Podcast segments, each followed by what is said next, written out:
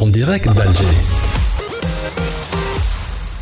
e-gov en Algérie. La stratégie algérienne en matière de e-gouvernement, gouvernement électronique, visant à accélérer notamment l'usage des technologies de l'information et de la communication, TIC, dans l'administration publique et dans les entreprises, à faciliter l'accès des citoyens aux équipements et aux réseaux d'éthique et à renforcer l'infrastructure de télécommunication à haut et très haut débit. A-t-elle atteint ces objectifs C'est la question que l'on se pose. La réponse provient du rapport des Nations Unies intitulé Préparer le gouvernement électronique pour soutenir la transformation vers des sociétés durables et résilientes, qui révèle que l'Algérie, durant ces deux dernières années, a progressé de 20 places en matière de gouvernement électronique, passant ainsi de la 150e position à la 130e. Cette évolution a, été constatée en matière de développement des infrastructures de télécommunications où l'Algérie est passée de la 135e position au niveau mondial à la 102e, soit une progression de 33 positions. Et celui des services en ligne où elle est passée de la 181e position à la 171e position, soit une progression de 10 positions. Les efforts de l'Algérie pour suivre le rythme des tendances mondiales relatifs au développement technologique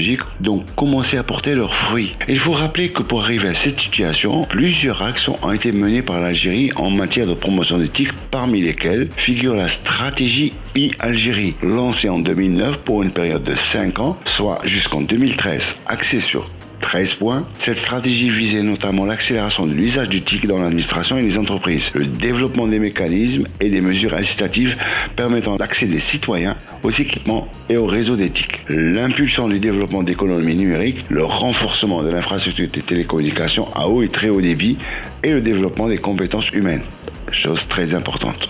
La stratégie e-Algérie a permis au pays de préparer le terrain pour lancer plusieurs autres mesures et projets de grande envergure. L'Algérie a ainsi fait de la modernisation de l'administration son cheval de bataille. Elle s'est attelée jusqu'à une année après l'achèvement de la mise en œuvre de la stratégie e-Algérie, soit dès 2014, à mettre en œuvre son programme national de simplification des procédures administratives, avec pour objectif de faciliter les procédures de retrait des documents administratifs au niveau des services de la commune, de Daïra et de wilaya. Les documents administratifs peuvent également être demandés via des portails électroniques ouverts par le ministère de l'Intérieur, qui s'est engagé aussi à poursuivre le processus de numérisation des mairies à travers la mise en place de la e-commune et l'installation d'un guichet électronique unique assurant l'ensemble des prestations fournies par les collectivités locales.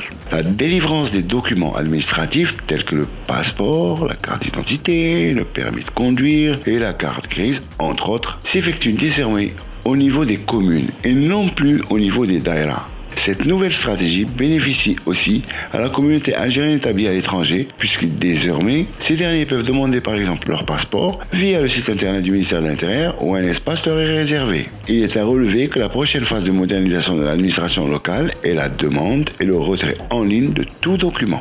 Le secteur de la justice, lui, s'est aussi engagé dans un processus de modernisation de ses services par une exploitation des nouvelles technologies avec pour objectif de simplifier les procédures pour permettre la dématérialisation des actes et procédures judiciaires. D'autres secteurs ont suivi cette démarche, comme l'éducation nationale, la santé, etc. Merci de nous avoir écoutés. Je vous donne rendez-vous à la semaine prochaine pour un autre en direct d'Alger. Abdelafir Khanifsa, ITMAC. Merci. En direct d'Alger.